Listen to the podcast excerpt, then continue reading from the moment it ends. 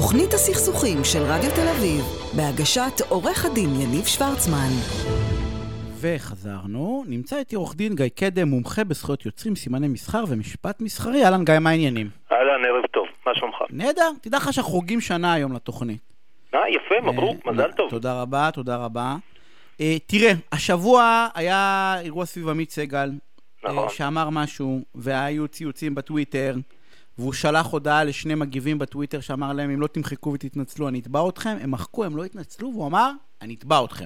כן, וטבע, קראתי שהגיש תביעה. אה, הגיש תביעה? כן, משהו ודרך אגב- 140 אלף שקל. אה, והוא אמר, זה מה שאני אזכה, אני תורם, הוא לא בסדר בשביל הכסף הרי עמית. ו- נכון. ואני רוצה ש... תראה, אנחנו כולנו כל הזמן בפייסבוק או בטוויטר או ב... לא משנה, באינסטגרם לא יש רק תמונות, אבל... אה, אה, מתי עובר הקו גבול? איפה עובר? אם אתה יכול להעביר לנו, איפה עובר הקו גבול קודם כל? בין זה שאני רוצה להגיד שעמית עמית, אה, סגל הוא כך וכך, ל... אתה יודע, לבין לשון הרע. כן, אז זה נאמר, המדיום הוא המסר. המדיום שבו משתמשים לה- להעברת המידע, זה משפיע על השומע יותר מהדברים עצמם. אה, אבל בוא, כדי להבין את התמונה, אנחנו קודם כל חשוב לנו שנבדיל בין התוכן של הדברים לבין הפלטפורמה שבה הם נאמרים. קודם כל, אם יש לי לשון הרע, אז הוא לשון הרע גם אם היא בפרסום קלאסי כמו עיתון, וגם אם היא בפייסבוק או בטוויטר. כמובן שיש כל מיני התאמות. לא, אבל- אבל... אבל בפייסבוק זה נגיש, ובטוויטר זה נגיש. עיתון, נכון, אתה יודע, נכון. יושב עיתונאי, והעורך שלו, והעורך משנה, וה... ויועץ משפטי וזה, ואני יושב בטוויטר, ובא לי לצייץ משהו על עמית סגל או עליך, בסדר? כי אמרת משהו, ואני אומר לך, בואנה, גיא אמר בפינה שלו, ומה שהוא אמר זה דבילי, מותר לי? אתה יודע, דרך אגב, התופעה הזו של אה, תביעות לשון הרע בעקבות פרסומים בטוויטר, יש לה אפילו שם, קוראים לזה טוויבל, שזה צירוף של אה, טוויטר ולייבל, דיבה אה, באנגלית. אבל בוא, אם אנחנו מדברים קודם כל על התוכן, אז כל עוד אני בקטגוריה של הבעת דעה, יש לי הגנה מפני תביעת לשון הרע. למה? כי זה דברים, אתה יודע, דעה זה דברים שנתפסים פוגעניים פחות מדברים שאני מציג אה, כעובדות. אם אני אומר איזושהי דעתי, אז זו התרשמות אישית, וככה גם בן אדם סביר מתייחס, הוא מייחס, אתה יודע, הוא לא מייחס מהימנות רבה מדי לדעות של, אה, ש, שהוא שומע. הוא יותר אה, מייחס מהימנות לעובדות. ולכן, כל עוד אני בספירה הזו של הבעת דעה, אני יכול להגיד כמעט מה שאני רוצה. אבל, יש פה כמה מגבלות. קודם כל, זה צריך להיות ברור שאני מביע את דעתי. זה צריך להיות ברור מהדברים שזה, שאני לא טוען אה, עובדות, שאני מתנהג בתום לב. אני אומר גם דברים שהם אה, סבירים, לא בתוך איזושהי מטרה לבזות או, או, או להשפיל אבל, את מי אבל שאליו גיא, אני אם, מתייחס. אם, אם, אם, אני לא, אם, אם אני לא ארצה לבזות, אני לא אהיה בטוויטר. הטוויטר כולו, סלח לי שאני אומר את זה, הכניסו אותי לא מזמן לגיהנום הזה. זה כאילו מקום ש... לא יודע אם כל כולו, בסדר? מטרתו להכפיש מישהו, אבל כאילו, הוא נורא נורא בוטה. תשמע, יכול להיות בוטה ויכול להיות בוטה. אני יכול לבוא ו... ו... ולהגיד על uh, מישהו שהוא uh, על עיתונאי, לצורך הדוגמה, דיברנו על עיתונאים, כן? לא עמית סגל, בכלל איזה עיתונאי uh, אמורפי. אני יכול להגיד, תשמע, בן אדם מוכר ישראל, תומך טרור וטרוריסט עם דם על הידיים. זה לא בהכרח הבעת דעה. זה איזשהו ניסיון לבזות אותו ולהציג אותו כמחבל על בסיס עובדות. אתה יודע, אז מי ששומע את זה יכול אולי להתרשם, תשמע, אולי אני מתאר משהו שהוא עובדתי. זה להבדיל מסיטואציה שבה ואני אומר, תראה, לדעתי, קראתי את מה שהוא כתב, זה נותן רוח גבית לאיזשהו טרור, זה כבר משהו אחר. אתה יודע, אני אתן לך דוגמה אחרת. אני יכול לבוא ולהגיד, קניתי מוצר באיזושהי חנות, בסדר? אוקיי. אני יכול לבוא ולהגיד, המוכר הזה הוא גנב, רמאי, שקרן, וכל זה למה? כי המחיר אצלו היה יותר גבוה מהמחיר בחנות ליד. אם אני, מה שנקרא, פותח את הפה ככה על המוכר הזה, אז אני בבעיה. זה כבר לא הבעת דעה. לבוא להגיד על מישהו שהוא גנב, רמאי, שקרן, גזלן, זה בעייתי. לעומת זאת, אם אני אבוא ואגיד, תשמע, לדעתי הוא מפקיע מחירים, כי בחנות לידו מוכרים את אותו מוצר. ונראה לי שזה יותר, ממש גזל, ונראה לי שאדם שלא...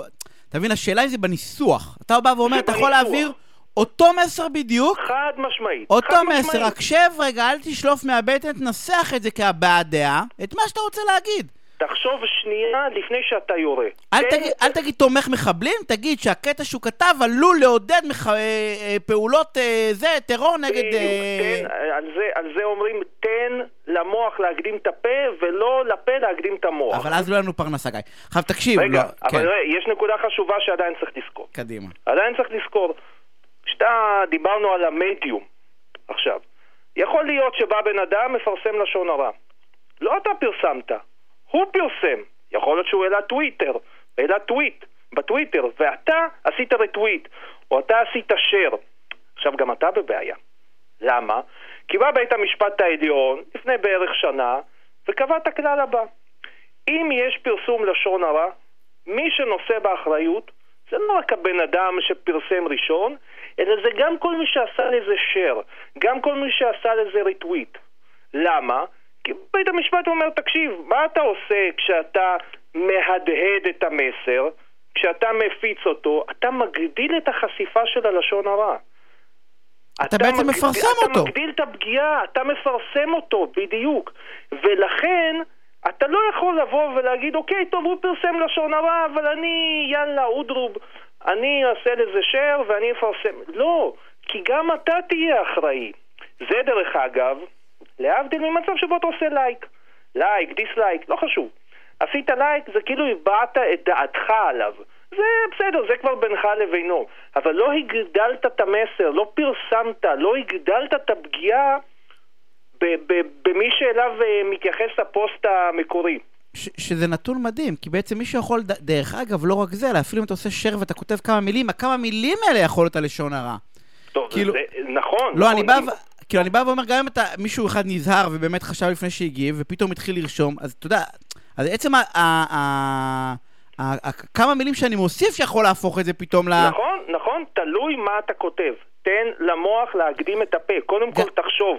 עכשיו, מה שחשוב, מה שחשוב לזכור, שבעבר הנגישות לאמצעי תקשורת הייתה מוגבלת, היה עיתונאי, כמו שאתה אומר, היה עורך, היה...